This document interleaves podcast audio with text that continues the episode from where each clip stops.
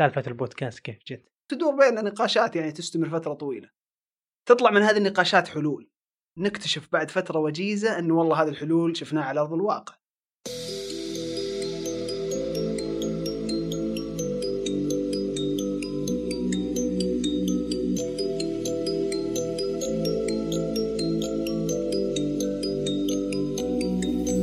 بودكاست حلول.